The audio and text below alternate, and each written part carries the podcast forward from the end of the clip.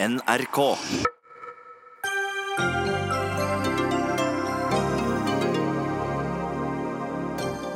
Dommere i lagmannsretten frykter for Norges rettssikkerhet og vil bytte ut meddommere med fagdommere. Det vil ikke advokatene. Nye regler for boliglån skulle gi færre gjeldsslaver. Resultatet ble at mange i stedet tok opp dyre forbrukslån for å kjøpe leilighet.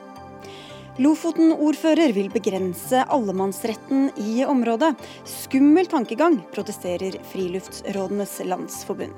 Og Jehovas vitner får ikke stemme ved politiske valg uten å risikere å bli støtt ut av trossamfunnet. Bør myndighetene gripe inn?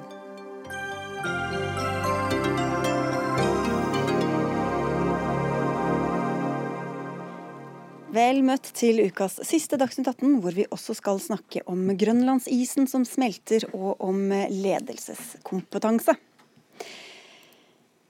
Rettssikkerheten i Norge er blitt dårligere. Det er dommen som formidles i et brev til Justisdepartementet. Avsenderen er dommere som er bekymret over følgene av reformen som trådte i kraft 1.1 i fjor.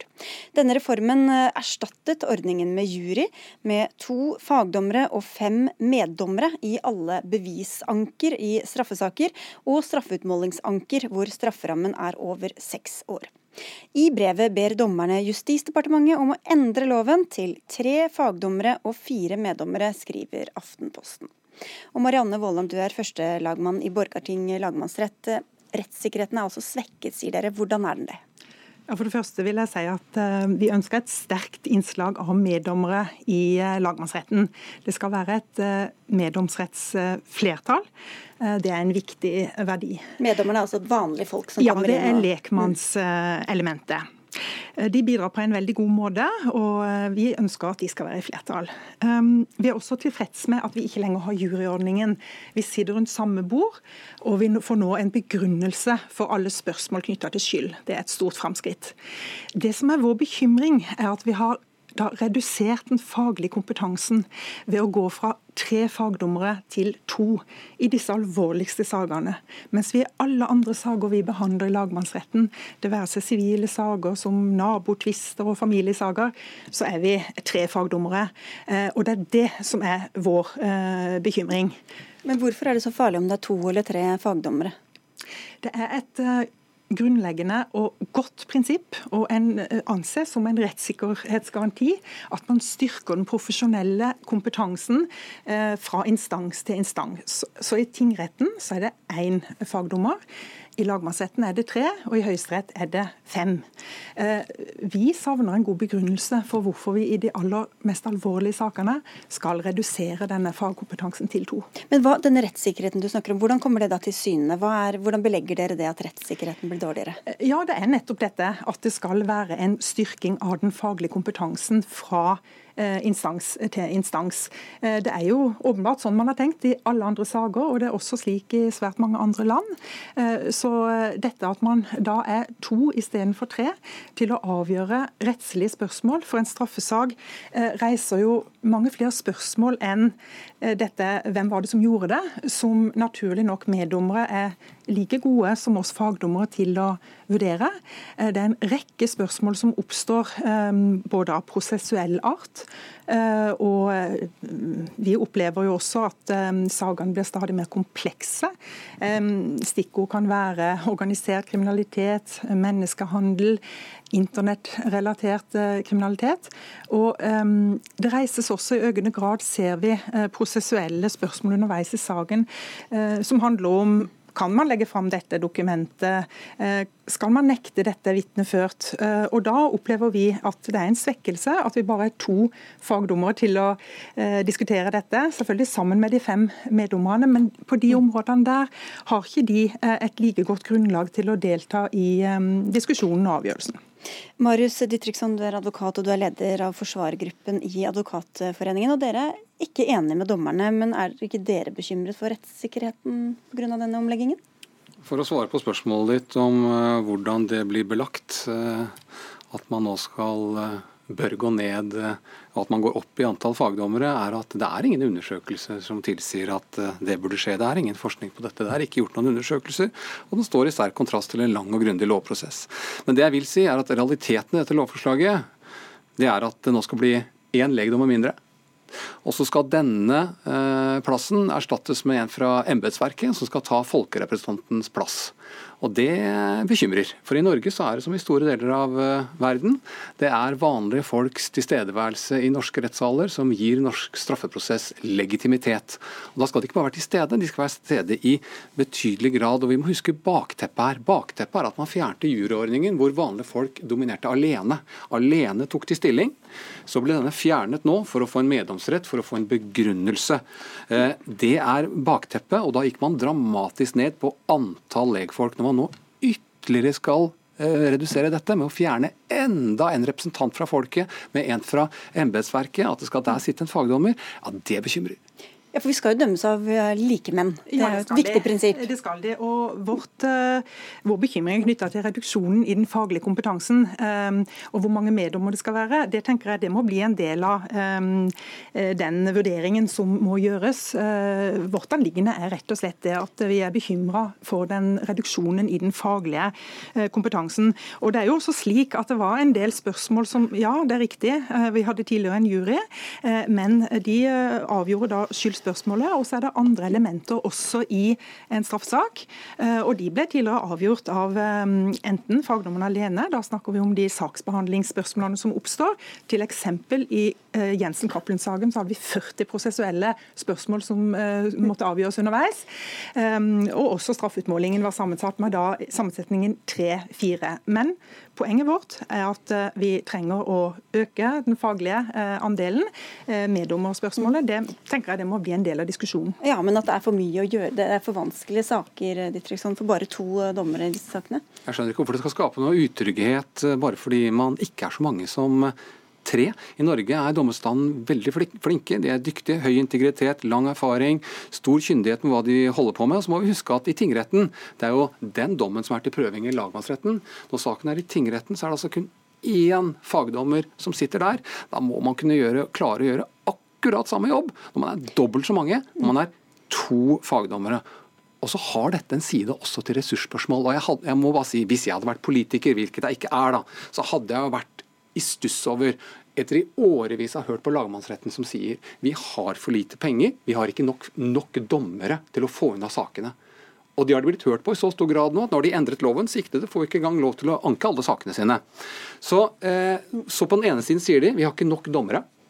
På den annen side så sier de at eh, det som tingretten bruker én mann på, og etter loven nå bruker vi to mann. Skal vi sette tre mann på den saken? Flere dommere på hver sak. Og de to tingene de går ja, okay, ikke helt sammen. Det er jo mer praktisk art, egentlig. da. Finnes det penger og finnes det nok dommere til å bemanne opp på den måten? Vi har vært opptatt av å se dette i, um, i uh, Sette det inn i systemet vårt. Og vi syns det er rett og slett vanskelig å begrunne hvordan de mest alvorlige sakene skal behandles av færre ja, fagdommere. Men, men, finnes det ressurser til det? det? Ja, det må, jo, det må jo bli en del av den politiske behandlingen regjeringen eh, hvordan retten skal sammensettes og hva det vil koste. Men det jeg kan si er at eh, Justisdepartementet altså Dette brevet har ikke kommet ut av intet. I forbindelse med at juryordningen ble etablert, så, eh, nei, ble avviklet, så skrev Justisdepartementet vi vil være lydhøre for innspill, tilbakemeldinger, spesielt fra lagmannsrettene, om konsekvensene av å gå fra 3-4 til 2-5. Um, og Det er det vi har fulgt opp. Vi har fulgt opp det. Og De skriver også at de, etter deres syn, så vil ikke det være de store utfordringene å gå tilbake til 3-4. Så Det tenker jeg det er jo noe Justisdepartementet må svare på. Ja, Vi har jo invitert Justisdepartementet, de takket nei, men de skriver at de tar bekymringene på alvor og merker seg uttalelsene, og at de også kommer eh, i motsatt retning fra Advokatforeningen og tar spørsmålet med inn i arbeidet om en ny straffeprosesslov. Så er det, så er det sagt. Men eh, dere sier vel også at det, at det er mer eh, betraktninger og observasjoner som ligger til grunn enn en akkurat forskning eh, når det gjelder dette rettssikkerhetsspørsmålet. Men hvilke eh, betraktninger har dere gjort da når det gjelder denne gruppedynamikken mellom disse eh, meddommerne, som nå har kommet av i et større flertall? Ja, altså Vi er jo, eh, vi sitter rundt samme bord, vi er likestilte som dommere. Men det er jo svært mange spørsmål som da må settes inn i en juridisk ramme. Og det er jo vårt ansvar som fagdommere å lage den juridiske rammen. Og det merker vi at når den oppgaven skal fordeles på bare to, og den da fra at vi gikk fra omtrent to jevnstore grupper med tre fagdommere og fire meddommere, og nå er det omtrent dobbelt så mange meddommere som fagdommere, så blir det en mer krevende oppgave og sørge for, altså Mest av alt det å sørge for at du har alle med. For det er jo så viktig at den meddommerstemmen eh, kommer fram. Og da er vi nødt til å sikre oss at den rettslige rammen er eh, på plass og forstått. Og det er det vi kjenner på i vårt daglige virke. Ja, for Hva skal man med meddommere hvis de sitter og ikke helt får med seg hva som skjer, Dittriksson, eller eh, skjønner hele det kompliserte sakskomplekset? Ja, Det som eh, kommer frem i forslaget fra lagmannsretten i det skriftlige, er jo at man opplever meddommere som tar en kurs og en retning som fagdommerne er uenig i, og bruker mer ressurser på å hanke dem inn, nå som de er så mange og ikke så få som de var før. Og vi er jo svært, vi, vi er, Jeg er faktisk svært forbauset over at det synspunktet overhodet settes på papir. Det må jeg si, for grunnprinsippet er at hver dommer, enten man er fagdommer fra embetsverket eller fra en folkerepresentant, hver stemme teller like mye. og Er ikke det bare bra da, at de har en annen mening eh, som, som, den andre? og det skal på en måte Men ikke hvis det kommer av at man ikke har skjønt sakskomplekset nødvendigvis? Jeg tror den som hevder noe annet, gjerne vil si at du har ikke skjønt hva jeg mener. Eh, og Hele poenget er jo nettopp at man skal få plass til ulike synspunkter. Eh, så, så det er litt sånn, skal, Vi skal ha meddommere i retten så lenge, så lenge, de ikke reelt sett bestemmer, og sånn kan det jo ikke være. Det må jeg protestere på. Um, vi er veldig opptatt av uh, å få frem uh, synspunktene rundt bordet. Og dissens er vi jo ikke redd for, det ser vi jo eksempler på mange ganger. Og også blant de juridiske dommere er jo det et faktum. Så her er det mer snakk om det at vi har et ansvar for å tilrettelegge for den uh, juridiske rammen. Og det er mange rettslige spørsmål som oppstår både under skyldspørsmålet i forbindelse med de prosessuelle spørsmålene. Det er ikke lett for meddommere å vite skal man nekte dette beviset eh, lagt frem. Eh, og Det fordrer jo nå denne ordringen at legfolk skal ta stilling til, f.eks. Mm. Og også det med straffutmåling, å sikre at like tilfeller eh, behandles likt. Det er mye å ta stilling til. Og da Et lite poeng til slutt. Ja, vi er jo nå i praksis eh, siste instans, for Høyesterett behandler nesten ikke straffesaker. Så ikke bare skal vi avgjøre den enkelte sak, men de avgjørelsene vi fatter, også, eh, vil også danne utgangspunktet for eh, rettspraksis generelt. Da sier vi at vi forventer nevne at både dommerne i Agder, Gulating og Hålogaland lagmannsrett også har sendt nokså likelydende mm, brev. Så får vi se hvordan Justisdepartementet følger opp, og hvem de lytter til. Takk skal dere ha begge to. Marius Titriksson fra Advokatforeningen og Marianne Vollan fra Borgarting lagmannsrett. Dagsnytt 18 alle hverdager klokka 18. På NRK P2 og NRK2.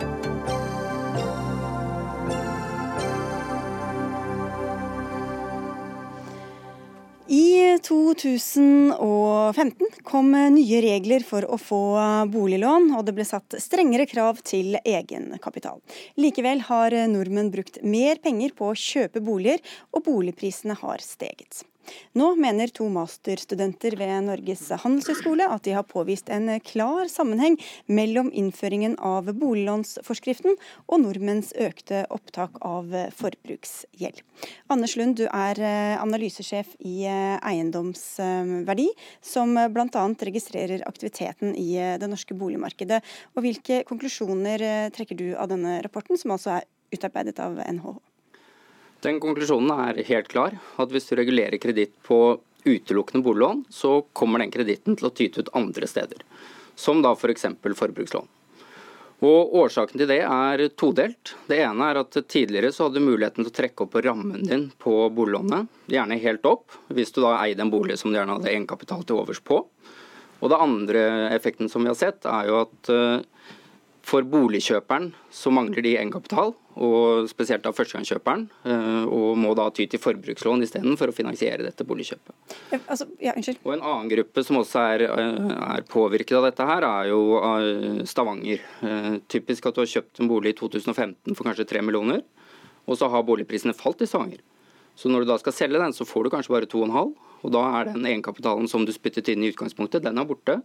Og så bor du kanskje på 50-60 kvadrat, du har eh, kanskje familieforøkelse og ønsker å flytte videre.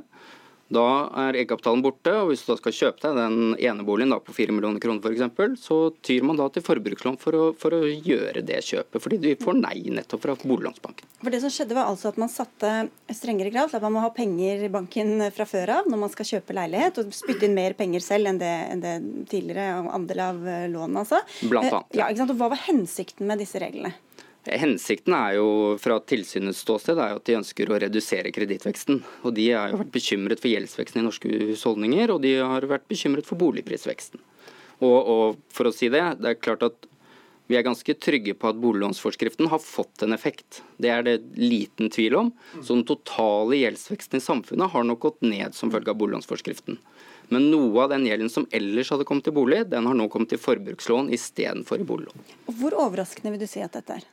Eh, det er ikke overraskende at, eh, at eh, kreditten flytter seg. Det viser også internasjonal forskning. Vi har erfaringer fra USA hvor delstater har forbudt enkelte kreditter, som såkalte payday loans, som er veldig korte kreditter, veldig dyre kreditter. Og da har det tøtet ut andre steder i, i banksystemet. Det jeg syns har vært overraskende med tallene, det er ikke bare denne oppgaven her, men det er også tallene som kom ut fra gjeldsregisteret for Evry når de kom ut med tall, det er at snittstørrelsen på forbrukslånet var mye høyere enn jeg forventet. Og Det tyder jo på at ganske stor andel av dette her nettopp har gått til boligkjøp og ikke til altså forbrukslån. Du sier tyder på, Betyr det at vi ikke vet det? At det er antagelser, eller at det, dette er faktisk noe vi kan det, si sikkert? Dette kan vi ikke si sikkert, fordi vi har eh, relativt dårlig data på det.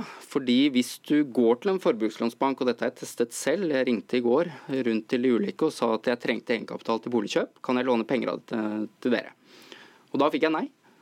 Men og så fulgte jeg opp med å spørre er dere spør dere om hva jeg skal bruke pengene til. Hva hvis jeg skal ha en tur til Las Vegas og spille bort pengene? Er det greit? Jeg sa ikke at jeg skulle spille bort, men, men uh, det lå implisitt. Det, det lå implisitt. Da får du lånet. Ja. Og Da er det jo på at de ikke får lov til å gi hvis de vet at det går til forbrukslån. Riktig. Så Hvordan kan du da regne ut hvor mye av den forbrukslånet som, som faktisk går til bolig? Igjen, i den masteroppgaven så, så har de kartlagt hvor stor andel som går til ulike formål. Der er boliglån en av dem, men jeg tror den er veldig unarapportert, fordi du nettopp, hvis du sier det, så får du faktisk ikke lånet. Men det er en annen post som heter annet. Og den tror jeg er eh, i stor del eh, da går til boliglån. For den, den er også i snittstørrelse relativt stor, så jeg tror den går til et eller annet. Og også for å ha sagt det, eh, og da beregnet jeg sånn veldig røftlig, for dette må tas en del antakelser, at inntil 30% av veksten i forbrukslån har da gått til eh, egenkapital ved boligkjøp. Mm. Og Som de fleste vet, så er det veldig mye dyrere og usikkert å ha forbrukslån enn å ha boliglån. Og Mari Holm Lønseth, du er stortingsrepresentant for Høyre og medlem av kommunal- og forvaltningskomiteen eh, på Stortinget. Dere innførte altså disse reglene som satte opp eh, fra 10 til 15% av egenkapital. Og hvis det nå har slått ut slik at flere tar opp forbrukslån i stedet, hva, hva, hva vil du si til en sånn utvikling? Jeg synes det er urovekkende hvis det er så mange som også har finansiert eh, boligdrømmen sin med det som både er dyr og, og usikra gjeld. Høye forbrukslån er jo også en kilde til økonomiske problemer for, for veldig mange. Eh, banker lokker med gode tilbud for dem, med høy rente, med, med liten eh, skrift. og Det kan jo virke som en god snarvei inn i boligmarkedet, men sannheten er jo at det er, en, er et risikoprosjekt. Og Det er veldig viktig at vi sørger for at folk ikke påtar seg mer gjeld enn de kan betjene. Eh, og Det er jo derfor den boliglånsforskrifta er viktig, og det er også derfor det gjeldsregisteret som har kommet på plass er så viktig. Men eh, Frode eh, Furuhovde, du er kjedesjef i Privatmegleren. Dere advarte, ville ikke ha den forskriften i utgangspunktet, men hadde, sett for deg, hadde dere sett for dere at dere kom til å få også dette utslaget? Nei, vi hadde ikke sett for oss det. Det er noe som vi har observert i ettertid. At det har kommet. Men som det ble sagt her, at dette med at man regulerer eh, utlån, det gjør at lånene forflytter seg. Det vet vi. Eh, så vi så for oss at det kom til å skje en forflytning, men vi så ikke for oss akkurat dette. Eh, vi har ikke klare tall på det, men vi observerer det samme som bekreftes i denne undersøkelsen. At det er svært mange boliglån som finansieres gjennom forbrukslån. Og vi syns det er veldig spesielt at politikerne syns det er bedre at man tar opp usikrede, dyre lån i forbrukslånsbanker, enn at de får det i boliglånsbanken sin, alt, hvor de tross alt kan få noe sikkerhet og lengre nedbetalingstid. Dette er også, kun, altså førstegangskjøpere, svært mange med stor betjeningsevne, eh, og som ville vært gode kunder for sikrede lån eh, som er mye bedre enn forbrukslån. Hvis det nå er sånn, da, Lønseth, hva gjør dere med det? Nei, jeg tror Noe av det viktigste vi kan gjøre, er å sørge for at vi får en bedre oversikt over den totale gjelda. Det skal altså ikke være sånn at man får til å ta opp uh, usikra forbrukslån og bruke det som egenkapital. For det skal også bankene klare å, å regne inn. Det får de med det gjeldsregisteret. Men jeg tror noe av det viktigste vi kan gjøre, er å se på hvordan vi kan bruke tilbudssida for å la flere komme seg inn på boligmarkedet. Ikke bare snakke om kreditt. Det handler om å gjøre det raskere, enklere og billigere å bygge, sånn at boligene faktisk blir billigere. Sånn at inngangsbilletten blir bedre bedre. Men Det høres ut som et veldig langsiktig prosjekt. og så Imens så sitter det folk og tar opp forbrukslån for å i det hele tatt få lov til å kjøpe seg en, en ny bolig. Så hva gjør mm. dere på kort sikt? Og Noe av det det fører til, er jo nettopp at boligprisene går opp. Hvis du tar mer kreditt inn i boligmarkedet, sånn som man også ville ha gjort, som også Lund sa her, hvis vi ikke hadde innført boliglånsforskrifta, så ville også antagelig boligprisene kunne vært høyere enn hva de er i dag. Det er allerede sånn at vi ser at boligprisene noen steder går ned, det stabiliserer seg. Og så mener jeg at man er nødt til å legge til rette for at det bygges flere små boliger f.eks., som vil mm. være billigere. For å sørge for at flere også kommer seg inn på boligmarkedet. Ja, jeg synes, det, er, det, er, det er veldig godt tiltak. Jeg støtter det uh, sterkt og 100% Samtidig så er det slik at uh, hvis man uh, legger til rette for billigere boliger, så gir ikke det mer egenkapital til kjøperen. Sånn at du kommer fortsatt ikke unna det poenget at en førstegangskjøper med høy betalingsevne eh, mangler egenkapital. Ja, for det her er snakk om folk som tjener bra, men de har ikke lagt seg av penger. Det er, det er de som kommer dårlig ut av det. Selvfølgelig. Det er, eh, de har brukt pengene til studielån, kommet seg gjennom lange studier. Eh, og selv om da, eh, og jeg applauderer Høyre som eh, går inn for å gjøre det billigere og bedre og eh, lettere å regulere nye boliger, så er det likevel slik at folk må ha egenkapital. Å hente det i forbrukslånsbanker er uhensiktsmessig. Vi vil heller at det reguleres gjennom boliglånsforskriften, slik at førstegangskjøpere kommer lettere til pengene. Men hva med det personlige ansvaret her? Altså, folk må jo ikke gå, De kan jo kjøpe seg en billigere bolig enn å ta opp et dyrt forbrukslån for å finansiere den leiligheten de har tenkt seg? Jo, men nå er det så en gang sånn at uh, Halvparten av Norges befolkning bor i det vi kaller for Stor-Oslo-området. og Her er det press på boligprisene. Eh, og Da er det ikke slik at eh, da flytter jeg langt nordover i landet for å finne en billigere bolig. Det er her jobbene er, og det er her vi må finne bolig. Så det, det er jo rett og slett en realitet som vi må forholde oss til. Så Hva med litt mer differensierte krav, da, også for å gi mulighet til de unge som vil inn på boligmarkedet, som har stabile jobber og greie landinger, men som ikke har hatt mulighet til å legge seg opp penger? Det er allerede sånn i dag at boliglånsforskrifta har mulighet til å fravike kravene både til egenkapital og fem ganger inntektskravet for en del av porteføljen sin. Det har vi tidligere også sagt at burde rettes mot unge, sånn at bankene ser at unge som har god betjeningsevne, som også har kommet rett ut av studiet, enklere skal få boliglån. Det håper jeg at bankene også tar til følge og, og følger opp. Eh, det er også egne krav for sekundærbolig f.eks. i Oslo som kan bidra til å stagnere prisveksten der. Men jeg tror det viktigste er altså at vi sørger for å få boligprisene ned, det handler om at vi får et enklere regelverk. Skjer dette, Fyrhovde, at er, bankene er fleksible? Eh, det er ikke vår erfaring. Eh, tvert imot så er det slik at eh, bankene er svært nøye på å opprettholde sin soliditet. og Det er ikke vår erfaring at de er veldig fleksible på det. Og Det er jo derfor vi får den effekten, at de tar opp forbrukslån i stedet for at de får lån i boliglånsbanken sin. rett og slett. Takk skal dere ha, alle tre, for at dere var med i Dagsnytt 18 i dag. Anders Lund, som altså er analysesjef i Eiendomsverdi, og Frode Furuhovde fra Privatmegleren, og Mari Holm Lønseth eh, fra Høyre.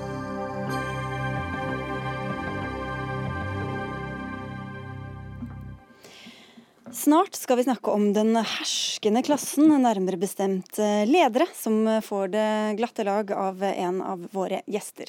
Men før det skal vi til Lofoten, som er et populært reisemål. Turistene som tar turen kan ferdes fritt, slik de kan ellers i landet også, takket være allemannsretten. Den sikrer rett til ferdsel og opphold i norsk natur. Men er det et ubetinget gode?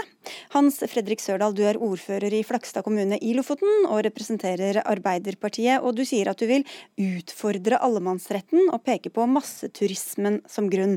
Hva er det turistene gjør som får deg til å ville utfordre loven, som du sier? Nei, altså Lovens formål er klart og tydelig. og, og Hvis vi leser siste del av, av, eh, av formålet, så står det at uh, muligheter til å utøve, fri, utøve, friluftsliv som en helsefremmende, trivselsskapende og miljøvennlig fritidsaktivitet bevares og fremmes. Den er brutt i Lofoten, og derfor så tenker jeg at da må vi tørre å diskutere det. Uh, hvordan, er den, hvordan er den brutt? Nei, Vi er i en situasjon der bærekrafta på naturen er langt over tålepunktet. Vi har uh, turistpersoner turist, som går eh, stort sett overalt. og så blir også allemannsretten brukt som en, en, eh, en, legitimering for å gjøre hva man vil, hvor man vil og når man vil. Så Derfor så må vi tørre å ta diskusjonen. Vi er klare og tydelige i Arbeiderpartiet at vi ønsker å grunnlovfeste allemannsretten, men vi må se om vi treffer med formålet for å sikre de verdiene som er viktige også for fremtidige generasjoner. Anne Mari Braut Nese, du er styreleder i Friluftsrådenes eh, landsforbund, og også ordfører i Klepp kommune for eh, Høyre. Og du reagerer på dette utspillet. Hvorfor det? Jo, Allemannsretten handler jo nettopp om at alle skal ha mulighet til å nyte naturen. Men så ligger det jo òg i det at eh, vi skal kunne gjøre det på en sånn måte at det ikke viser at vi har vært der. Men da tenker jeg det er mange virkemiddel for å oppnå dette. Og det er bl.a. med å informere folk om hvordan er det dette her virker. Eh, hvordan virker det hvis jeg trør på gresset, og alle 1000 besøkende per dag trør på gresset? Eller hvis du springer eller rir eller sykler gjennom sanddynene, hva skjer da? Du trenger å vite sånne ting. Og folk flest vi velger jo å gjøre det som er rett og fornuftig, hvis vi bare vet hva som er rett og fornuftig. Og så handler det òg om at når vi vet det er mye turister i et område, så må vi prøve å legge til rette. Og det er mange plasser i landet der det er gjort gode tiltak. Det er friluftsråd som har jobba i mange år med å lage parkeringsplasser nok, toalett der de trengs. Søppelbøtter der de trengs, poser i stativ der du kan plukke med deg en pose og plukke søppel, både ditt eget og andre sitt. Og alt dette er med på å hjelpe. Ok, Vi skal til Sørdal igjen. fordi For det første bare prinsippet her. En allemannslov som bare skal gjelde for noen utvalgte. Hvordan er det da en allemannslov? Det er allemannsrett, mener jeg. Det, det, det, er din tolkning av det. Det jeg har sagt, er at der allemannsretten er i konflikt med næringsutøvelse, der han er i konflikt med lokalbefolkningas ve og vel, der han er i konflikt med fremtidige verneverdier for fremtidige generasjoner, så må vi tørre å diskutere om den skal være tilgjengelig for absolutt alle i hele verden. Eller om vi skal si det at nei, innenfor dette området så drives det faktisk næringsutøvelse. Og vi er i en situasjon hvorpå i Flakstad kommune, som er ordfører, hvorpå bøndene blir forvist bort fra sine beiteområder fordi at masseturismen er så stor. Og Da må vi tørre å diskutere det. og Jo, som, så, men, men bare, Loven sier jo det som ble nevnt her også, man skal ikke være til sjenanse for dyr eller mennesker, nei, men, og ikke skade miljøet og sånn, så da er det jo loven som brytes, egentlig. Må man jo slå ned på jo, det. Men det jo, men ja, og Hvilke virkemidler har vi for å slå ned på det, og hvilke ressurser har vi for å slå ned på det? Og det er klart, det, det, er jo det som er hele, hele, poenget her. Jeg har ikke sagt at vi skal fjerne allemannsretten. Vi må tørre å ta diskusjonen om lov, rettens formål blir oppnådd. og Det gjør han ikke her lokalt. Og da må vi også tørre å ta diskusjonen om hva gjør vi for at vi skal oppnå denne verdien. Og Så kan vi snakke om tilrettelegging og så kan vi snakke om eh, alle disse tingene til vi blir grønne i øynene. Men til syvende og sist så har vi lagt ganske godt til rette. Vi har gjort formidable løft lokalt i Lofoten og regionalt. Men det vi ser, det er at vi må skape verdier før vi kan dele verdier på turistene. Og Per i dag så har vi ingen mulighet til å skape verdier på ferdsel i utmark, som er en stor utgiftspost. Eksempelvis Reinebringen er ett tiltak av veldig mange sårt tiltrengte tiltak i Lofoten. Det koster over syv millioner for en liten kommune som har et lite driftsbudsjett, så er det en umulig kostnad å bære opp mot sykehjemsplasser mm. og skole og de andre lovpålagte oppgavene i en kommune. Ja. Så Derfor må vi tørre å diskutere det. Ja, Nese, det er, frykter ikke du også for denne masseturismen og, og hvordan den kan påvirke både natur og folk og næringsvirksomhet? Jo, og jeg har stor forståelse for at det er områder der det blir voldsomt mye, og det er en stor belastning for både naturen og de som bor der fast. Men jeg tenker det å stenge ute turister fra området, eller stenge ute enkelte personer gitt om du er turist eller fastboende, det er ikke rette måten å ta det på. Og eh, Heldigvis så har jo Lofoten fått seg et friluftsråd, og det er en vanvittig god mulighet til å både hente inn statlige midler, fylkeskommunale midler, og at kommunene som eiere står bak og, og samler all kunnskap og økonomi. og, og får fram masse dugnad, faktisk. Sånn at det der er mye som kan bli gjort bra i Lofoten nå framover med et godt friluftsråd. Ok, Der kommer reklamen for det. Men du Sørdal, bare for å prøve å skjønne hva det er du For du sier du vil utfordre og du vil diskutere det. Men hva er det du egentlig foreslår å gjøre i praksis? Nei, eh, Et prøveprosjekt som kunne vært veldig fint å prøve. Vi har veldig klare, tydelige områder i vår kommune der det drives næringsutøvelse. Vi ser det bl.a. plasser der det tørkes fisk. Det blir en konflikt med næring. Vi har et mattilsyn som er klar og tydelig på hva som kreves for å drive matproduksjon. Vi har sauer som går og beiter, og vi ønsker ikke at de skal beite i teltplassene til turister. Og Da ville det kunne vært veldig interessant å la det lokale selvstyret få lov å si noe om hvilke områder skal være avsatt for å benytte seg av allemannsretten, og hvilke områder skal være avsatt for til andre verdier som har stor verdi lokalt. Men hvis du først begynner på den veien, hvordan skal du hindre at ikke eh, fancy hytter sier at, eh, i noen kommuner at her skal vi heller ikke ha allemannsretten, fordi her plager man eh, de som bor her f.eks. For til syvende og sist så er det sånn at en planutforming i det lokale selvstyret i form av en arealplan et demokratisk produkt som skal gjennom høringen, som skal opp mot andre myndigheter. Og Da er det ikke sånn at én hytteeier kan si at min tomt skal være forbeholdt eh, totalt vern. Det er faktisk det lokale selvstyret, jo, kommunestyret, jo, men da kan jo kommunestyret si at her på denne perlen av en strand, her skal ikke allemannsretten gjelde. Ja, og da er det fordi at da er det under press. Og det er klart, når ting er under press og, altså, for, for, å, for, å, dra det andre veien, så kan vi si det sånn at hvis vi ikke gjør noe så vil de naturverdiene som vi har som aller kjærest i Lofoten, forsvinne. Og Vi kan tilrettelegge veldig mye, men poenget er det at vi må jo på et eller annet tidspunkt si at nå må vi stoppe opp, og så må vi tørre å diskutere rundt de her tingene. En annen, altså, og, og, Hovedessensen i det her er jo det at vi har ikke en helhetlig politikk på reiselivsnæringa i Norge. Jeg har jobba nå i fire år opp mot en regjering som gir en blanke eh, i det. Jo, men altså, og det, det, er ganske, det, er ganske, vesentlig. Det eneste måten man klarer å kunne utfordre det nå på, det er å si noe om allemannsretten. Vi har prøvd med fellesgodefinansiering for å kunne legge til rette. Det har vi fått nei på det som regjeringa ønsker, det er at Instagram skal styre det. Markedskreftene skal styre okay. hvordan det blir. Du, da får vi ikke en helhetlig politikk. Vi har ingen fra regjeringa her, men du kan få ti sekunder på tampen her, Neset, til å forsvare ditt eget eh, parti, da. Ja, nå er jo ikke jeg her for Høyre, men eh, Høyre er helt klart for at vi skal tilrettelegge for turisme. Vi vil at alle skal kunne bruke naturen vår. Det, en, det skal være en lavterskeltilbud til absolutt alle. Takk skal dere ha, begge to. Eh, Anne Mari Braut Nese, som også er styreleder i Friluftsrådenes landsforbund, og til Hans Fredrik Sørdal, ordfører i Flakstad kommune fra Arbeiderpartiet.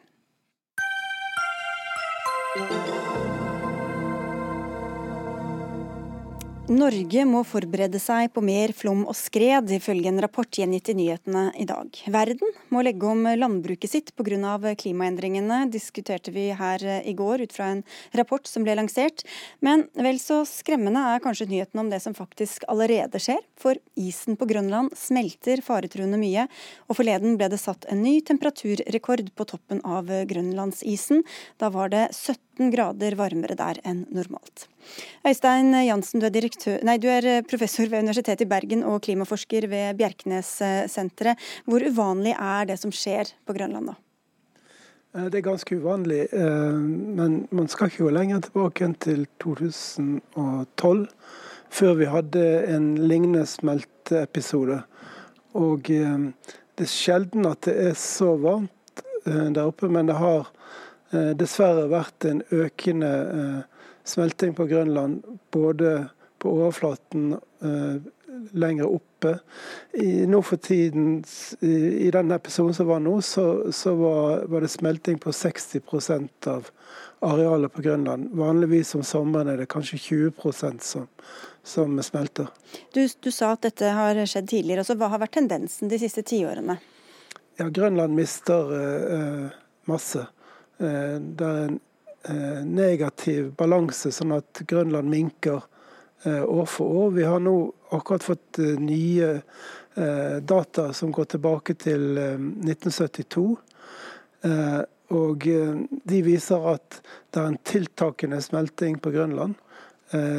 fra 80-tallet så har dette endret seg. Og smeltingen nå er seks ganger raskere enn den var på 80-tallet. Eh, og Det betyr at havet stiger eh, som følge av dette, og det betyr at eh, isen minker. I løpet av én dag smeltet det over 10 milliarder tonn is. Det høres jo helt uh, utrolig voldsomt ut. Hvor Går det an å si noe om hvor mye det faktisk er? Ja, så Det er jo 10 milliarder kubikkmeter. Da. Det går an å regne om til svømmebasseng. Det ser det noen som har gjort det. Jeg husker ikke tallet akkurat nå. Men eh, vi må også huske på at Grønland er en svær øy. Det er veldig mye is der. Eh, så én dags smelting er ikke så mye. Og så må vi også huske på at om vinteren så snør det på Grønland. sånn at det er balanse mellom det som smelter om sommeren og det som faller ned om vinteren som som er avgjørende. Mm. Og den balansen har vært eh, negativ i, i, flere tiår nå. Og så, Jeg nevnte jo innledningsvis temperaturen på toppen, men det er ikke isen som smelter her som, som bekymrer dere mest? Nei, um, det er sånn at uh, vi, ha, vi, har nå kontroll på hvor mye som smelter pga. smelting på overflaten, altså med varme temperaturer. Da er det særlig de lavereliggende områdene rundt isen. Men Mesteparten av smeltingen, to tredjedeler, skyldes eh, smelting på den isen som ligger ut i havet og ut i fjordene. Fordi vannet rundt Grønland eh, har blitt mye varmere eh, som del av den globale oppvarmingen. Og, og dermed så smelter isen både ovenfra og underfra. Mm. Og det er faktisk mer underfra enn ovenfra. Hvor viktig er isen på Grønland for den havstigningen som vi har sett? Eh, den er ganske viktig. Eh, i begynnelsen av denne smeltefasen så betød ikke det så mye. Da var det først og fremst det varmere havet som utvider seg når det blir varmere, som bidrar til havstigningen. Eh, men nå eh, regner vi med at Grønland er den enkeltkilden som er viktigst for eh, den pågående havstigningen. Og det har vært 20 cm økning i havnivået de siste 100 år, men det er en akselererende havstigning, og det er en akselererende smelting på Grønland. Men, men dette vil i, i løpet av eh, Du trenger mange hundre år før det blir veldig mange meter. Men Grønland kan bidra med mange titalls centimeter bare i et hundreårsperspektiv. Men er det så farlig da, om havet stiger litt? Ja, det, det vil jeg si det er et av de største problemene med, med klimaendringene at uh, lavtliggende områder vil bli satt under vann. Uh, vi må flytte byer, vi, må, vi, må, vi får uh, stormflodepisoder som blir mer og mer farlige. særlig de områdene som er lavtliggende. Norge er ikke det landet som er mest utsatt. Hvis vi nå mirakuløst skulle klare å stanse alle klimagassutslippene fra menneskelig side, hva ville skjedd da med isen på Grønland? Det vil redusere smeltingen, men det vil ikke stanse smeltingen.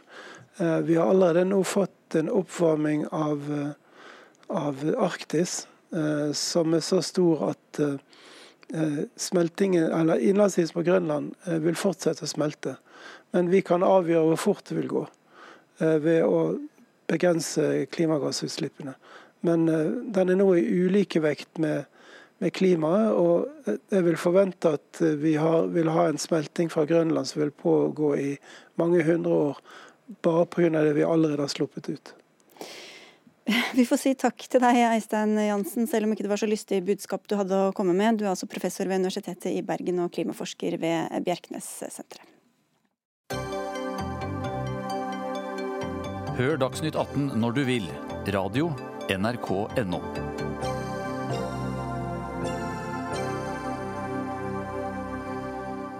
Vi omgir oss med dem, de fleste av oss eh, i hvert fall. De forteller oss hva vi skal gjøre og når vi skal gjøre det, for de er jo ledere. Men hender det at du pliktskyldigst har utført en eh, oppgave mens du stusset over kompetansen til lederen som satte deg til å gjøre den?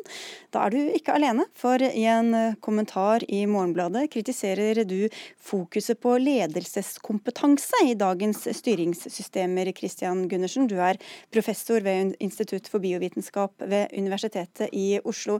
Hva er det du er kritisk til ved disse lederne? Nei, Det er jo at de er såkalt profesjonelle. da. At de tror de kan lede hva som helst.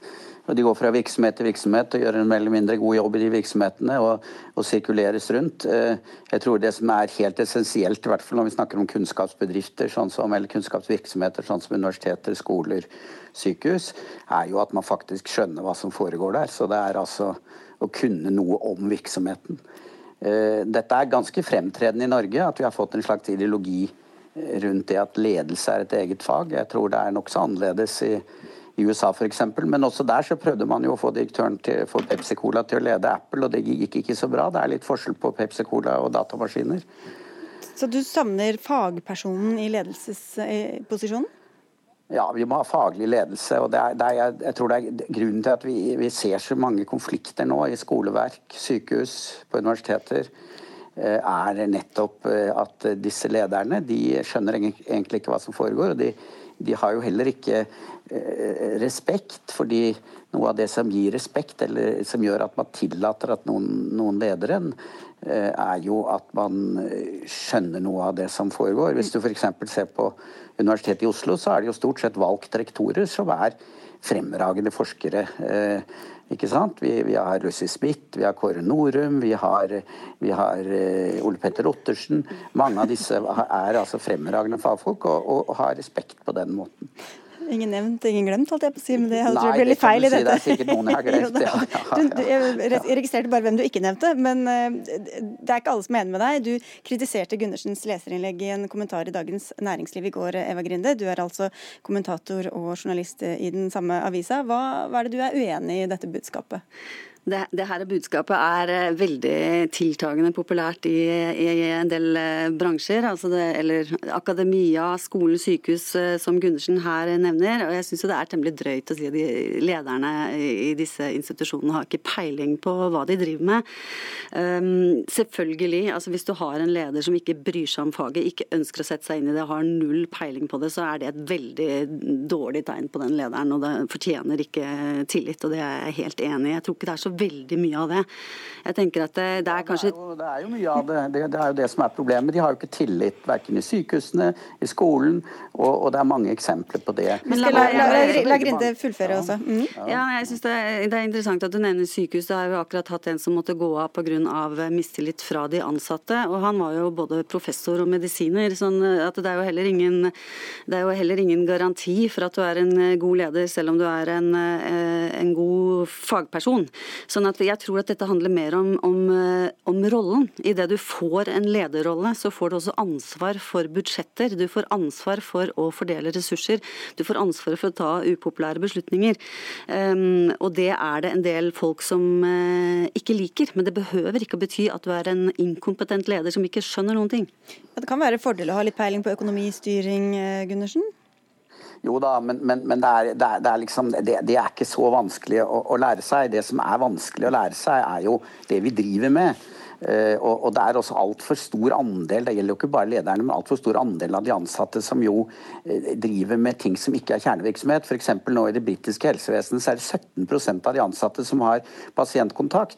Og det handler om denne ledelsesfilosofien. Så skal jo lederne ha sine hoff, da, for å bruke Grindes uh, terminologi, og de skal ha sine folk som leverer dem ledelsesinformasjon. Så det er, det er ikke bare spørsmål om personene. De, de, de får etter hvert større og større avstand til de de leder, tror jeg. men det er også også et spørsmål om systemene. Mm. Uh, og det er mangel på tillit i systemene. Altså, vi bruker en masse tid på ved min institusjon å, å levere ulike former for eller lederinformasjon. Og, den tiden må jo tas fra å gjøre undervisning og forskning bedre, da, f.eks. Ja, Gundersen bruker også en del plass på å snakke om styret ved Universitetet i Oslo. Altså, altså Hva slags faglig mm, dybdekunnskap er det du skal ha for å sitte i styret i, ved Universitetet i Oslo? Det, eh, det, universitetet har veldig mange forskjellige oppgaver, eh, inkludert f.eks. hvordan få studentgjennomstrømming, hvordan få et godt samarbeid med næringslivet.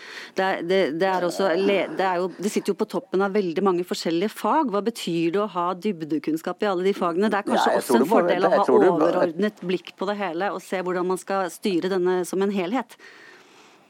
Ja, jeg, jeg, vet ikke hva helhet betyr. Det er typisk sånt ord som, som de, de, bruker, og som egentlig ikke har noen no mening. Det betyr eh, sammensetning av mange forskjellige ting. Altså nå, ja vel, ok, men det, da, det, er, det er jo bare tåkeprat. Det skjønner jeg ikke noe av. Og det er problemet her. Mener at du at Universitetet i Oslo er en enhet, helt enhetlig organisasjon? Eh, vel, det er enhetlig på noen punkter, men, men, det er jo også noe av poenget. At Universitetet i Oslo skal jo ikke egentlig styres ovenfra. Det, det har man jo ikke gjort nå de, de siste liksom, 750 av de 800 årene vi har hatt universiteter. Så men, har jo, har men, jo vært styrt nedenfra. Så det er noe av problemet. Men jo, jeg skal svare på det du spør om. Ja, ikke sant? For Hva slags fagutdanning skal da de som sitter og styrer universitetet universitetet, som har mange forskjellige fag under seg. Hvilken fagutdanning skal tro på da? Det viktige, viktige, er at du må vite hva forskning er, og hva det handler om. Eh, hva som motiverer forskere. Og du må ha vært deg selv. Altså, det, er litt sånn som i, krigen, at hvis du skal være general, så må du ha vært i skyttergravene. Og Her snakker vi om forskning, og her snakker vi undervisning. Du må ha stått foran et kateter, bak et kateter, du må ha undervist. Du må vite, vite hvordan, hvordan, det livet er. Og tilsvarende for andre virksomheter. Ja, jeg syns jo f.eks. Ja, veldig rart at du kan være leder for en sykeavdeling avdeling uten å være, uten å være lege eller, eller, eller, noe i nærheten. Ja, for Du snakker om ledelse som et fag også, Grinde, men hvorfor ikke ha fagpersoner som så får en tilleggsutdanning for å si det sånn som, som nye ledere? Det kan fungere helt utmerket. Det kan kanskje være det beste også hvis du har en, en fagperson som er virkelig interessert også i ledelse, og som er i stand til å ta de eh, beslutningene og de avgjørelsene som du er nødt til å ta som leder. Så det kan være helt fint, men jeg tror ikke nødvendigvis at eh, man er en dårlig leder fordi man ikke har Eh, den dybdekunnskapen. Og eh, meg bekjent også Når det gjelder styret ved Universitetet i Oslo, igjen, da, så er det tre eller fire eksterne representanter. og Resten er jo representanter fra universitetet. Så det er jo heller ikke noe overvekt av eksterne representanter ved, ved, i styret. Gundersen, bare for å ta et annet, av fire, ja, et, et annet av dine poeng. Du sier at det er lettere å påvirke lederne gjennom eh, lobbyvirksomhet hvis de er såkalte profesjonelle ledere og ikke fagpersoner. Hvordan belegger du det? Ja, fordi at de opererer i et overfladisk univers. Altså Hvis du trykker på de rette, eller kommer med de rette motorene, eh, som lederne kanskje har gjort andre steder, så hopper de på det. Bare tenk på dette ordet digital kompetanse, så mye, så mye det er misbrukt. Og, eh, og, og det, er masse av de tingene der.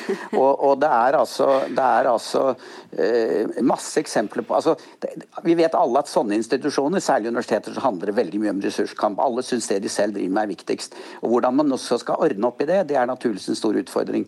Men jeg er helt sikker på at eh, de som ikke har vært med på det selv, de lar seg lure mye lettere. Og jeg ser hvordan eksterne eh, representanter eh, lar seg påvirke av ting som jeg syns er nokså banalt og overfladisk, og, og ikke egentlig er en grunnlag for en beslutning.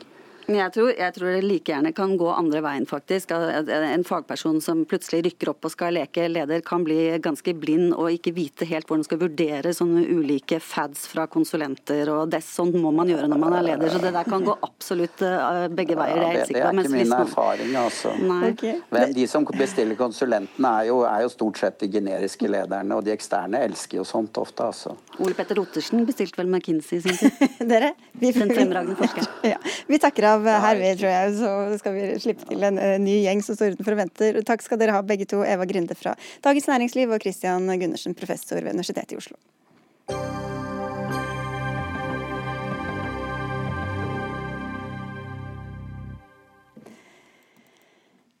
Jesus tok ikke stilling til politiske spørsmål, derfor skal ikke Jehovas vitner gjøre det heller. Hvis noen av de i overkant 12 000 norske medlemmene skulle gå til valgurnene, risikerer de å bli ekskludert fra trossamfunnet. Det kom fram i avisa Vårt Land tidligere denne uka. Hege Kristin Ringnes, du er religionsviter og Jehovas vitner-forsker ved Universitetet i Oslo. Forklar oss først dette med Jehovas vitner. Hvorfor, hvorfor kan det ikke stemme ved valg? Jehovas vitner sier at de som Jesus vil inngå, unngå det å ta en politisk eh, posisjon. De sier at Jesus lærte disiplene at de ikke skulle være en del av denne verden. Eh, og det å ikke være en del av denne verden, som er en type sånn overordna eh, troslære, eh, det innebærer at man heller ikke skal stemme ved politiske valg. Mm. Eh, men det innebærer ikke at man f.eks. skal betale skatt eller følge lovene i altså, landet. At man ikke kan det? Nei, det betyr, nei, det betyr ikke det. Man mm. er veldig opptatt av å være lovlydige borgere, betale skatt osv. Bare ut av nysgjerrighet, hvor, hvor, langt strekker det seg? Kan de være medlemmer av styret i borettslaget, eller være foreldrerepresentant på skolen, eller? Det kan de, ja. og det er de. Altså, det varierer selvfølgelig ut fra hva man ønsker. Ja, ja. Men hvor er det dette står formulert, eh, at de, dette, helt konkret dette med liksom valgdeltakelse? Altså, Jehovas vitner baserer seg alltid på bibelsitater. Eh, og da F.eks. henviser de til Johannes 1836, der Jesus sier 'mitt rike er ikke en del av denne verden'. Og så Uh, ut fra det så slutter de uh, det at ikke de kan stemme. Man kan lese mye om det i deres egne publikasjoner på internett osv., mm. hvor de forklarer det. De bruker bibelsitater, og så slutter de ut fra det. Og dersom et medlem av Jehovas vitner likevel vil stemme ved valget, hva skjer da? Ja, Hvis det blir eh, oppdaget, så kan det føre til eksklusjon. At man ikke lenger kan være et vitne. Hvem er det som bestemmer det i så fall? Det er eldsterådet i menigheten. Og det består av eh, det består, selv kanskje, men eh, Det består av menn i menigheten som er, har eldste posisjoner. Og så står det i reglene også at man kan ikke stemme. Det betyr at man De sier at man utelukker seg selv fra gruppen. At man da på en måte bryter læren og selv velger å gå ut av gruppen. Ja, Da har man meldt seg selv ut. Ja, ja riktig. Eh, Vibeke Blake Strand, du er professor i rettsvitenskap ved Universitetet i Oslo. og Du sier til eh, Vårt Land i dag at ut fra menneskerettighetene så har norske myndigheter en plikt til å sikre enkeltmenneskers rett til å stemme. Hvordan eh, kommer det til, er det relevant i denne saken? Ja, jeg tenker at det eh, er et viktig bakteppe for å forstå litt hva det, hva det, dreier seg om. Altså, Staten må jo forholde seg til en situasjon som denne, hvis det er slik at da visse grupper eh, opplever alvorlige begrensninger i, i, adgangen til å stemme. Eh, det er slik med alle menneskerettigheter at, at de skal sikres i praksis. og da, da, må man forholde seg til situasjoner hvor, hvor, det foreligger begrensninger. sånn at å møte en sånn situasjon med ren passivitet vil være problematisk, tenker jeg. Ja, for da sier du også at I et større perspektiv så kan til og med den norske staten bli ansvarlig for stemmenekt? Ja, eh, eh, hvis hvis de forholder seg helt passive til det, så vil jeg tenke at, at eh, det i ytterste konsekvens man kunne sett for seg en, en individklagesak f.eks. mot Norge. Et viktig bakteppe her er dette med at Norge har en raus økonomisk støtteordning til trossamfunnene. Mm. Og ved at man eh, bidrar økonomisk til virksomheten, så blir på en måte staten forbundet med det som skjer internt også. Sånn at eh, jeg tenker at en statsstøttemodell eh, krever også da en bevisst strategi for å sikre rettigheter internt. Og der, eh, der, står dette spørsmålet og dirrer. Vi skal komme litt tilbake til det, men først til deg, Sturla Stålseth. Du er professor i diakoni og religion og samfunn ved MF vitenskapelige høgskole. Du sammenligner dette i Hovas vitne med, med en munkeorden. Forklar det. Ja, Det er bare brukt for å vise at uh, trossamfunn, som alle andre organisasjoner, har jo uh, full rett og mulighet til å bestemme regler for sine medlemmer, opptaksgrunnlag og vilkår for å være med her. Uh, og man går inn i en organisasjon vel vitende om hva som gjelder der, og man gir da frivillig avkall på noen friheter kanskje og rettigheter man har. Så jeg tenker ehm, spørsmålet her, Det er to forskjellige spørsmål. Det ene er den demokratiske verdi det er å stemme ved valg. Innholdsmessig er det problematisk at en organisasjon er imot det. Eh, det andre spørsmålet er med hvilke midler ekskluderer eventuelt den organisasjonen sine medlemmer hvis den bryter med læregrunnlaget. Og Her mener jeg det er viktig for staten å, å, å være årvåken altså i forhold til negative eksklusjonsmekanismer mm. osv. Jeg får høre med deg om det, Ringnes. Hvor sannsynlig er det at man skal ønske, eller at man tør eller vil stemme da, hvis man er Jehovas eh, vitnermedlem? Jeg tenker at Det er en del av det større livssyn, altså den totale livssynet man har. Hvis man er dedikert medlem, så tenker man at gruppen har sannheten, og da er det naturlig å ikke stemme. Hvis man begynner å tvile på sannheten, så kan det være at man stemmer i skjul. Det vet jeg eksempler på. Da er man på vei ut av gruppen. Det tror jeg er hovedbildet. at man, Hvis man er dedikert og, og internt dedikert, så vil man ikke, man vil ikke føle det naturlig å stemme. Da er man ikke en del av denne verden. Men eh, Trosminister Kjell Ingolf Ropstad han sa til Vårt Land eh, at dette er veldig alvorlig, og mener at praksisen kan være grunnlag for å nekte statsstøtte, sånn som, sånn som du var inne på. Eh, hva syns du om det, Stålsett, en sånn eh, løsning? Nei, jeg tenker Det er da det er viktig å skjønne på hvilket grunnlag han mener hvilken praksis det er. Om det er eksklusjonspraksisen eller om det er det læregrunnlaget at et Jehovas vitne ikke skal stemme. Men det henger ikke det veldig sammen, da? Nei, fordi eh, det første hvis, hvis, staten sier at vi kan ikke gi støtte til et trossamfunn som mener at eh, en person ikke skal ta politisk stilling, så er det å gå ganske langt inn i selve trosgrunnlaget. Dermed også samvittighetsfriheten og trosfriheten. Men øh, hvis man i det fellesskapet eller den organisasjonen avdekker typer eksklusjonsmekanismer, og det hører vi jo mye om øh, innenfor lukkede trossamfunn osv., at det kan være vanskelig for folk å bryte med det. Der er det viktig, og Regjeringen har jo nå en handlingsplan mot negativ sosial kontroll osv. Det er en annen type eh, problemstilling. og Den er viktig fordi hele prinsippet om organisasjonsfrihet bygger jo på at man kan melde seg fritt inn og fritt ut. Og når det hindres, enten direkte eller indirekte, så er det problematisk for hele feltet. Ja, kan det bryte med trosfriheten å legge sånne føringer um, som de f.eks. har i Sverige? Der har de jo andre regler enn oss. Der får vel ikke Jehovas vitner uh, statsstøtte? Altså, Religionsfriheten som rettighet eh, ligger jo bak her. og det er slik at En stat kan ikke gå inn og definere innholdet i eh, religionen. Men det som er viktig mm, i denne sammenheng når vi snakker om statsstøtten, det er at man har valgt en ordning med å gi mer altså Det å gi pengestøtte, det er ikke noen plikt eh, staten har. Det er en modell vi har valgt og som de også da har i Sverige, den går lenger enn det man trenger.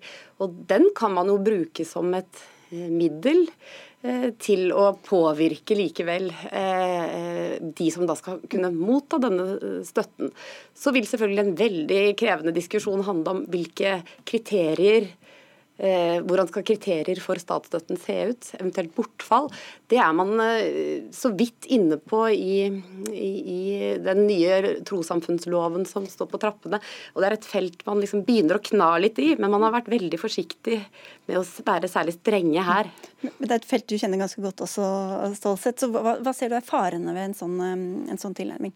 Nei, altså I dagens lovverk så heter det bare at uh, brudd på rett og moral uh, gir grunn til å nekte statsstøtte. Uh, og Det er jo et veldig åpent og vagt begrep som kan manipuleres politisk ikke sant? og kan, kan være vanskelig for trossamfunnene å forholde seg til. Og Derfor så foreslo det utvalget jeg ledet, som ligger til grunn for den loven som nå presenteres, at man skulle presisere de, dette rett og moral-begrepet. og vi nevnte bl.a. veldig eksplisitt et kriterium som skulle gå på at man ikke kunne manipulere eller lokke folk inn eller hindre utmeldelse. Det kriteriet ligger ikke inne i forslaget fra Ropstad og regjeringen nå, men der ligger det et kriterium som går på at man kan ikke nekte andres rettigheter og friheter. Og man kan heller ikke bruke tvang eller trusler eh, knyttet til det. Det som er problematisk hvis man går for langt, en stat går for langt til å bruke den økonomiske støtten til å styre trossamfunnene, er at du får, eh, du får rett og slett et problem med tros- og livssynsfriheten. Men, men, Du var inne på dette med eksklusjon, men her i dette tilfellet, sånn som jeg har forstått det, så sier man jo da dersom du stemmer, så ekskluderer du deg selv.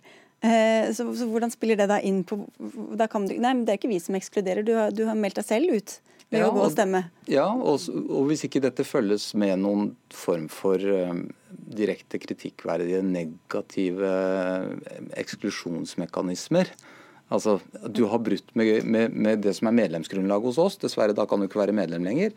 Det må enhver organisasjon kunne si. Men problemet er Eh, og Det er jo også et vanskelig felt å følge opp, men når vi vet hvilke psykiske og sosiale skadevirkninger folk opplever som har prøvd å bryte med miljøer de eh, er i, så er det veldig viktig at staten følger opp dette og finner eh, gode eller bedre virkemidler for å komme i inngrep med det. Ja, For det skjer? At det er, kan være ganske ubehagelig å bryte med dette andre? Ja, det kan være vanskelig. Man kan miste kontakt med både familie og sin sosiale omgangskrets. Ja. Vi har selvfølgelig invitert Jehovas vitner. De takket nei til å komme, men vi sier tusen takk til dere for at eh, dere kom til oss i Dagsnytt 18. Nå er sendinga vår eh, over. Det var Leila Feratovic eh, som hadde ansvaret for innholdet. Lisbeth Sellereite hadde det tekniske ansvaret. Jeg heter Sigrid Solund, og vi ønsker en fin kveld og en god helg.